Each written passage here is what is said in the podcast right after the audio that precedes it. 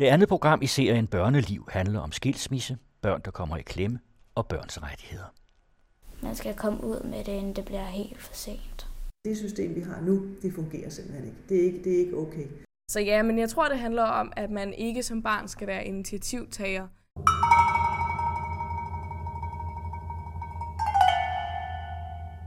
I dag er en tredjedel af alle børn skilsmissebørn, og det er først og fremmest børn, der kommer i klemme i systemer, der ikke fungerer.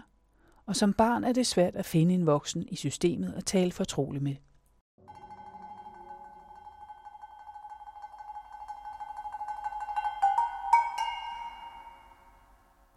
I programmet vil vi illustrere de mange hændelser og konsekvenser, børn i et skilsmisseforløb er udsat for.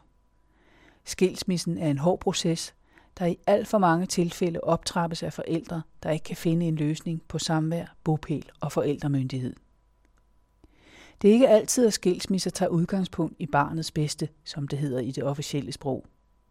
Vi møder i programmet børn, der har tanker og erfaringer med skilsmissen, og vi møder nogle af de professionelle, der arbejder med skilsmissen juridisk og socialt. Noget af det, der for alvor skaber utryghed for børnene, er forældrenes skænderier. Jeg vil ikke have det så godt, hvis de blev skilt. Øh, jeg vil nok være rimelig ked af det, og sådan, fordi jeg ikke vant til at se dem skændes, og når de skændes, kan jeg godt blive sådan helt stille og lille.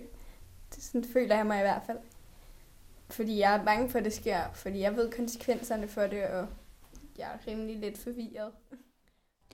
Sofie Moral på 18 år, formand for UNICEFs børneekspertpanel og selv skilsmissebarn.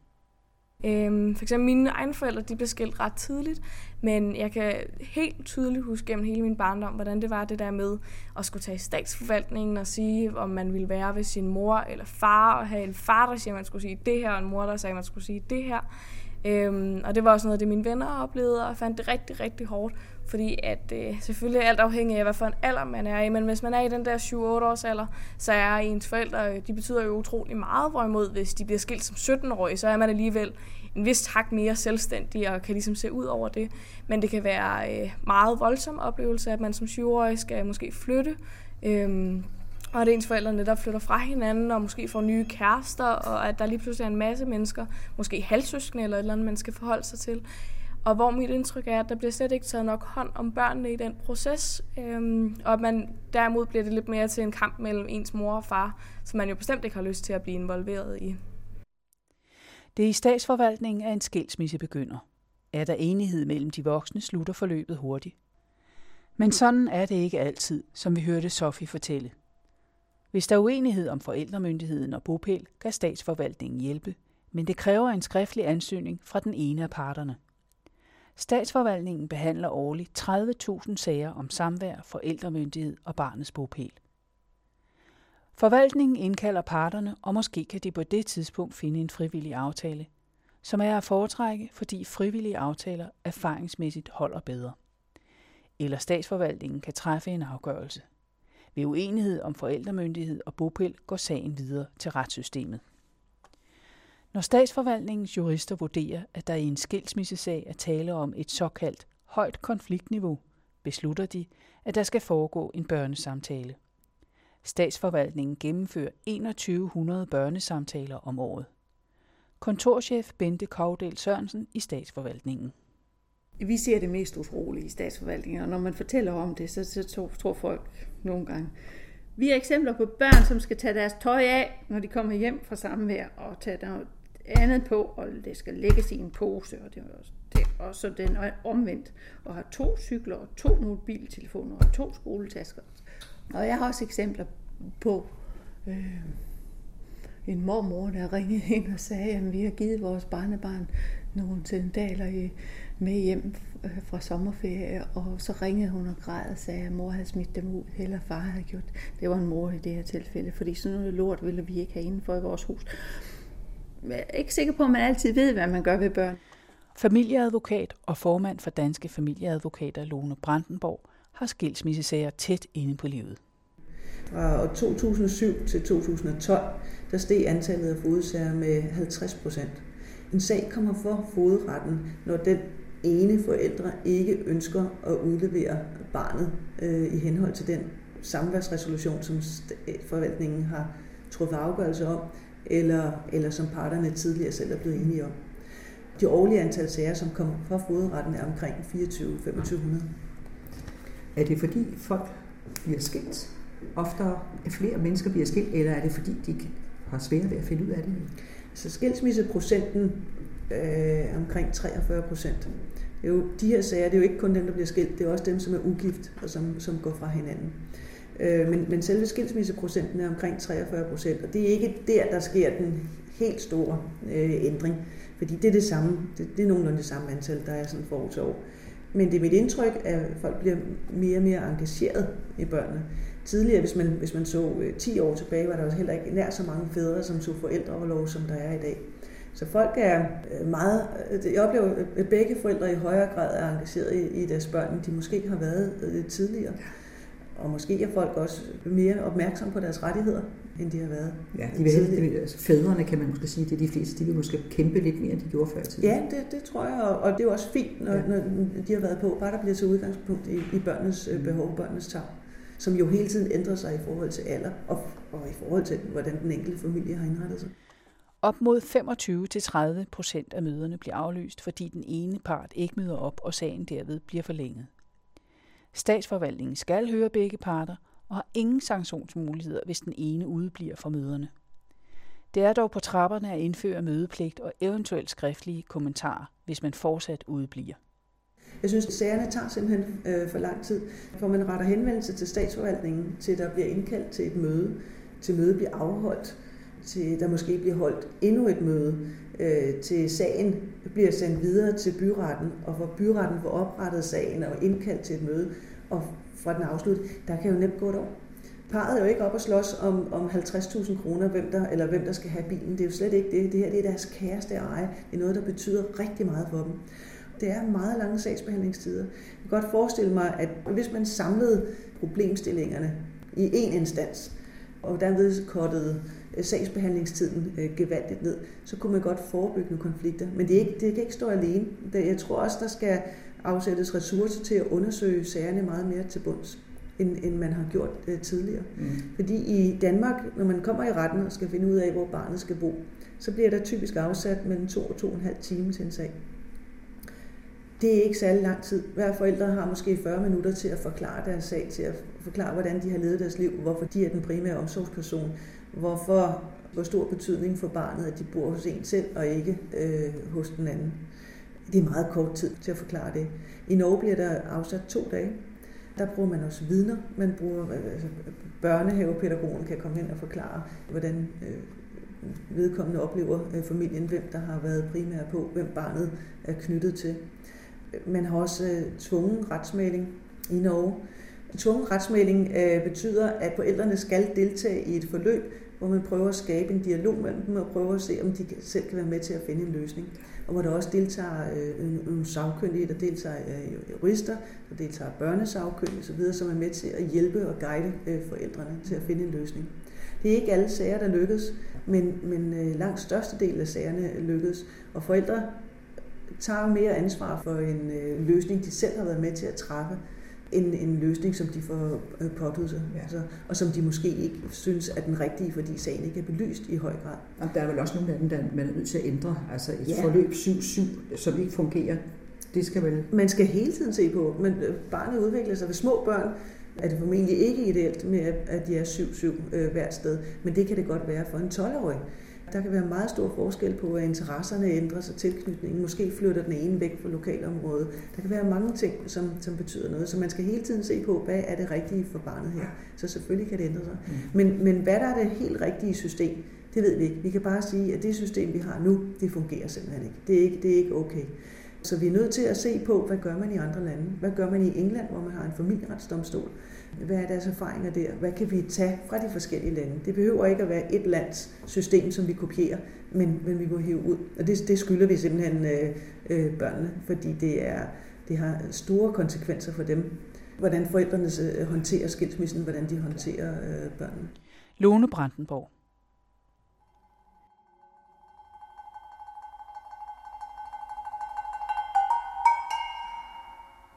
At det er svært at være barn og opleve at stå alene med store følelser af savn, skyld og ikke vide, hvad man skal gøre ved dem, har Sofie Vorel en mening om.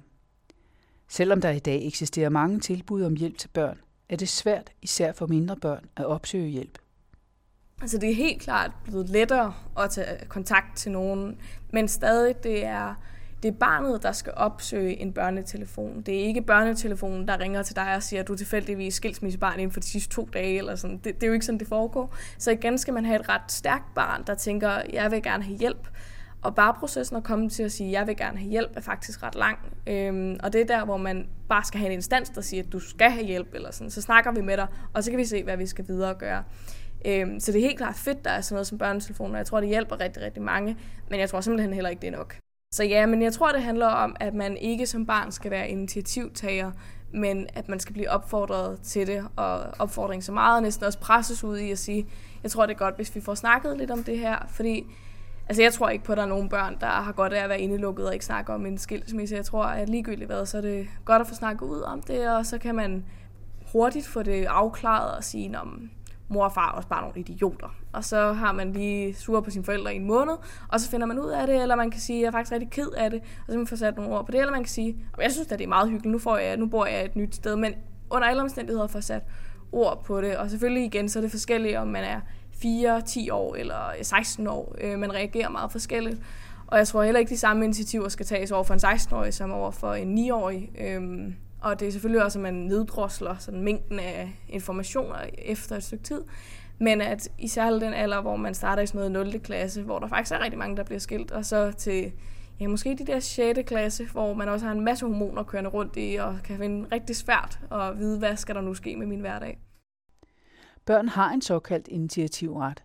Det betyder, at når barnet er 10 år, kan barnet bede statsforvaltningen om at indkalde til møde om, hvordan samfundet skal være. At det er godt at få ord på, kan Birgitte Dejgaard, uddannet jurist og familieterapeut med 17 års erfaring fra statsforvaltningen, tale med om. Hun er nu ansat i Center for Familieudvikling og leder af børnegrupper for skilsmissebørn. Desuden underviser hun og er projektleder for et nyt projekt for skilsmissebørn på 30 skoler i tre kommuner, støttet af Egmontfonden. Birgitte Dejgaard har haft forløb med mere end 50 børnegrupper, specielt i Vejle Kommune. I børnegrupperne, der kommer børn, øh, hvis forældre er skilt øh, for en måned siden, eller er lige gået fra hinanden.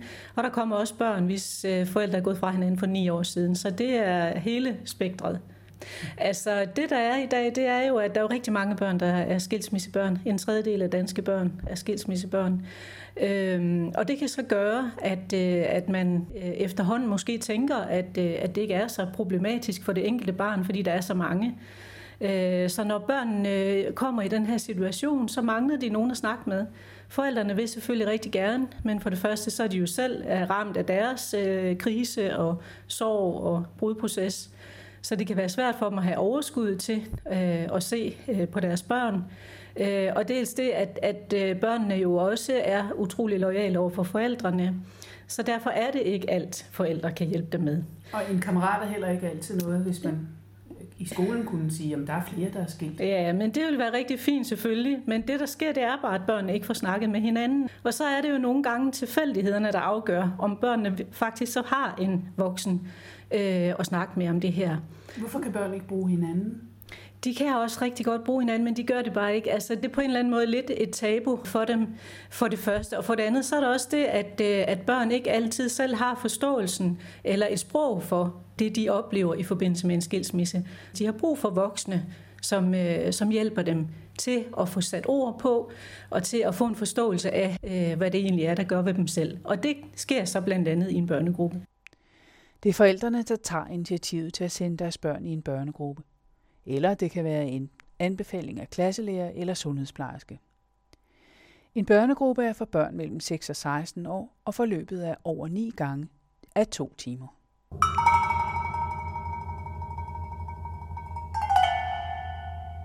Camilla Terndrup, børnefaglig konsulent på børnetelefonen i Børns Vilkår, har også mange års erfaring med rådgivning af børn. Børnene de ringer jo blandt andet, når de er bange for, om deres forældre skal skilles, hvis forældrene skændes rigtig meget. De øh, ringer også, øh, når det er, de lige har fået at vide, at de skal skilles, og er rigtig kede af det, og har en masse spørgsmål til, øh, hvordan deres fremtidige liv kommer til at se ud, og hvordan de skal bo, og hvem de skal bo hos. Nogle børn får det sværere, ser vi ansvaret for at beslutte, hvor de vil bo. Og jeg ved ikke, hvad det er, der er med den her fredag, men rigtig mange børn bliver bedt om at tage stilling til, øh, hvor de vil bo inden på fredag. Det er jo rigtig trist, at så mange børn sidder tilbage med det ansvar øh, om at skal vælge, hvor de selv vil bo. Og det tænker vi jo hos os er et voksent ansvar. For det sætter børnene i en rigtig svær, de fleste børn i en rigtig svær loyalitetskonflikt i forhold til, hvem de skal vælge. Børn i øh, skilsmisse har jo rigtig mange forskellige følelser, men et livsvilkår for mange skilsmissebørn, det er at savne. Så når man er hos det ene sted, så savner man den anden. Vi oplever også, at nogle børn føler skyld over skilsmissen. Det kan være, at, øh, at barnet øh, tænker, havde jeg opført mig anderledes, eller jeg gjort noget andet. Øh, så vil forældrene ikke have skændtes om, om mig, muligvis. Og nogle gange vil børnene også øh, opleve, at forældrene fortsætter med at skændes, selvom de er skilt. Og det, der bliver, kan man sige, konfliktens omdrejningspunkt, det er faktisk barnet. Og det kan gøre, at børnene vender det her ind af og oplever, at de er skyld i, øh, kan man sige, konflikten. Så har vi børn, der øh, som noget nyt, nu spurgte du før om, så jeg nogle nye ting, ja, at øh, vi har faktisk øh, børn, der ringer ind, hvor, fordi at, øh, at forældre jo har smartphones og iPads og alt muligt andet, og børnene sidder og spiller på dem, og nogle gange kommer ind i alt muligt forskelligt.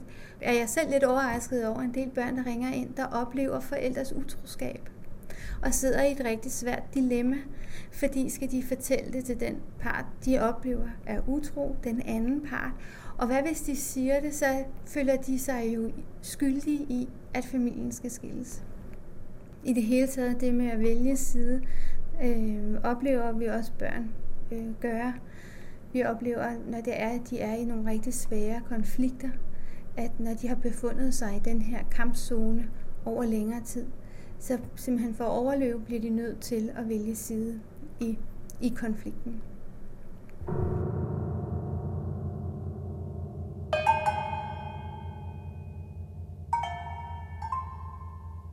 Altså, jeg har altid haft det sådan en uge hos min mor, en uge hos min far. Og det er jeg rigtig glad for. Og også fordi, så når man at se dem begge. Og det kunne for eksempel godt være, hvis der var et barn, der ikke havde det særlig godt med at være hjemme hos din far eller noget, så kunne øhm, barnet bare sige, at den helst ville være hos sin mor. Nogle gange har man det selvfølgelig sådan lidt, at øhm, at øh, det er besværligt at sige, hvis nu, at jeg gerne vil hjem til min far, men er hos min mor, eller omvendt. Fordi at man er bange for at gøre forældrene ked af det med, at man vil jo ikke have, at forældrene får den følelse af, at man ikke kan lide at være hos dem. Og det kan godt være rimelig besværligt nogle gange, hvis nu, at øh, min mor skal til en fest, så bytter min mor og min far, sådan, og så lige pludselig så siger de, i dag skal du være hos din far. Det kan godt være meget besværligt at huske jeg er blevet sådan meget god til det, fordi at øh, jeg plejer sådan at spørge, om jeg skal være hele ugen hos forældrene, så jeg ligesom ved det. Den erfarne 18-årige Sofie Moral har en klar holdning til, at det er børnene, der skal være i fokus i en skilsmissesag. Det er jo sådan noget med, at øh, børn altid har ret til at blive hørt, og øh, det er altid børn, barnets sådan ønske, der skal være i fokus. Og det er ikke mit indtryk, at det er sådan nu. Øhm, det er mit indtryk af, hvem af forældrene, der kan oftest råbe højst, og hvem der lige har den bedste advokat, eller et eller andet, hvis det er rigtig slemt. Og hvor det bare er, at det kan være svært at sætte midler af til børn, fordi at det er lidt lettere at snakke med voksne, civiliserede mennesker. Børn kan også være så komplicerede at forstå, og hvad vil de egentlig? Og det er bare nogle midler, man helt klart skal sætte af, fordi det er så vigtigt for et barn, og det kan være så... Øh, ja, vanskeligt, hvis det er en svær øh, skilsmisse. Og jeg har også nogle venner, hvor at, altså, som nu har det rigtig svært med en af deres forældre, eller begge forældre, fordi de faktisk synes, det var en utrolig hård skilsmisse, og ikke synes, den blev øh, taget rigtigt. Og øh, det skader jo både forældre såvel som børn, men det skader også bare det videre liv. Fordi det er en af de sådan, nok vil jeg sige, voldsomste begivenheder ud over for eksempel et dødsfald, der kan ske i et barns liv. Øhm, det er netop, at mor og far går fra hinanden, som er de mest essentielle personer. Så noget af det, børnekonventionen kan sige, det er, at man netop skal lytte til barnet og øh, sige, det her det er dine rettigheder, og øh, det er faktisk ikke i orden, at du ikke bliver lyttet til, og at mor og far bare trumler dig ud af, men at du har ret til det her. Familieadvokat Lone Brandenborg. Man skal selv betale for alt advokatbistand frem til sagen bliver sendt til byretten. Og i byretten har man mulighed for en fri proces, hvis man opfylder de økonomiske forpligtelser. Men forløbet i statsforvaltningen kan godt tage rigtig lang tid. Der kan godt være mange møder, og det skal man selv betale for. Og det giver selvfølgelig en udfordring for rigtig mange familier, fordi de ikke har mulighed for at selv at betale. Det vil sige, har forældrene penge, kan de løse konflikten af rettens vej. Men barnet har ikke fået løst sine problemer med forældrene, og står meget alene med alle sine følelser. Sofie Voral. Det kan være utrolig svært at, øh, at skulle kommentere på så store ting, og det kan være svært at sige andet, end hvis man selv er i situationen. Jeg synes, mor er dum, og jeg synes, far er god, og jeg synes, det er dumt, at jeg ikke må se far noget mere. Og det kan være så banalt, og det kan være øh, banalt at sætte ord på, men alligevel er det en lang proces for et barn at kunne gennemskue sin egen følelse og rent faktisk ture og sige det. Øhm, og hvor jeg slet ikke føler, altså jeg kan huske selv, var jeg til en masse samtaler i statsforvaltningen for at skulle sige, hvem jeg netop helst vil se, og man har jo ikke lyst til at vælge imellem ens forældre. Øhm, og det bliver det meget hurtigt et spørgsmål om, at hvem vil du se mest? Og på den måde bliver det jo også, at forældrene føler et svigt i forhold til barnet, at hvorfor kan mit barn dog ikke lide mig helt så godt som, min, øh, som faren eller moren. Så jeg tror helt klart, at der mangler et eller andet bindeled imellem barnet og så statsforvaltningen og forældre. At der mangler for eksempel en børnepsykolog eller en voksenven eller bare et eller andet, som ligesom kan referere og sige, at jeg er en person, som ikke har nogen andel i det her, som ligesom siger, at Karoline eller Ole gerne vil det her. Øhm, fordi det bare kan være sindssygt hårdt at skulle tage ansvar for sådan noget så stort. I statsforvaltningen kan man tale med børnene ved en såkaldt børnesamtale, når juristerne vurderer, at konfliktniveauet er højt, som det hedder. Det er en børnesagkyndig, en psykolog eller en socialrådgiver, der tager stilling til barnet. Blandt andet på den baggrund afgøres skilsmissesagen. På et år er der som nævnt ca. 2100 børnesamtaler. Det lyder jo som en fornuftig ting at inddrage børnene. Birgitte Dejgaard fra Center for Familieudvikling siger. Ja, det kan jo også i nogle tilfælde være fint nok, især når børnene er store og har en vis modenhed. Men i mange tilfælde, så er det jo et alt for stort ansvar, man lægger på børnenes skuldre. Øh, det er jo i situationer, hvor forældrene ikke kan blive enige så drager man så børnene ind, og så den beslutning, forældrene ikke kan finde ud af, den skal barnet sig selv tage stilling til. Og barnet kan jo ikke overskue konsekvenserne af det, de kommer til at sige øh, til sådan en samtale. Det kommer jo til at få en vis betydning, selvom man jo selvfølgelig ikke direkte spørger børnene, hvad, hvad vil du? Men, men det barnet siger vil jo blive brugt afhængigt af øh, barnets modenhed. Øh, og det får nogle konsekvenser, hvis, hvis barnet øh, kommer til at sige noget, som gør, at det måske kommer til at se den ene af forældrene mindre øh, fremover, som barnet ikke selv kan vurdere betydningen af. Kan det være, at der ved sådan en samtale øh, sådan set meget nemt kan blive skabt en form for fortrolighed, som så gør, at man siger, at jeg kan faktisk ikke lide fars kæreste, og pludselig så bliver det altså far, der kommer til at se barnet mindre? Jamen det er jo klart, at de mennesker, der sidder og taler med børnene i statsforvaltningen, er jo veluddannede mennesker og gør det på en, en, øh, en professionel og, og hensynsfuld måde. Men, men øh, ikke desto mindre, så, så, så er det jo hensigten at få barnet til at sige noget, der kan bruges til sagen. Og selvfølgelig kunne det være en mulighed, at øh, barnet kommer til at sige noget der, som, som får nogle konsekvenser.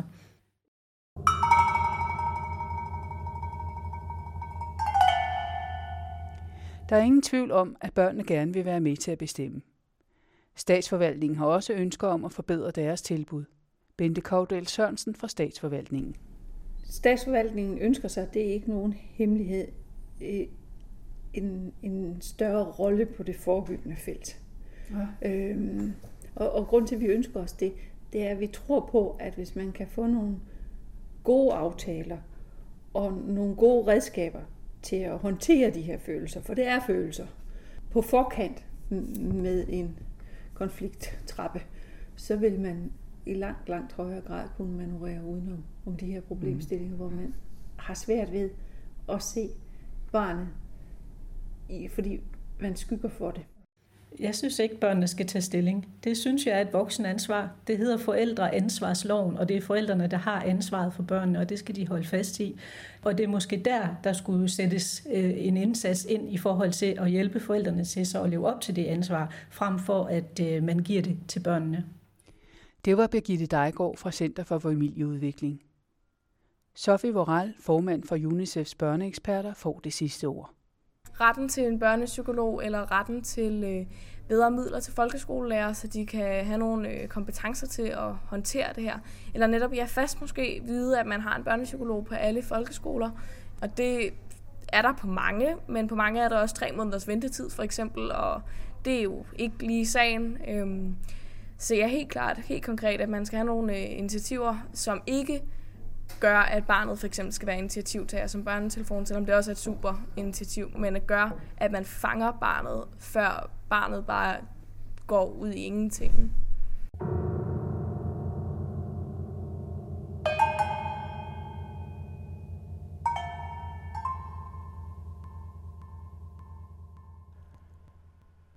I udsendelsen medvirkede Sofie Vorel, formand for UNICEFs børnepanel, Bente Kovdal Sørensen, kontorchef i statsforvaltningen, Lone Brandenborg, formand for Danske Familieadvokater, Birgitte Dejgaard, kant jur og familieterapeut i Center for Familieudvikling, Camilla Terndrup, børnefaglig konsulent i Børns Vilkår og børn fra 5. og 6. klasse på Risbjerg Skole i Hvidovre. Børneliv er støttet af Knud og Dagny Gad Andresens Fond og Lauritsen Fonden.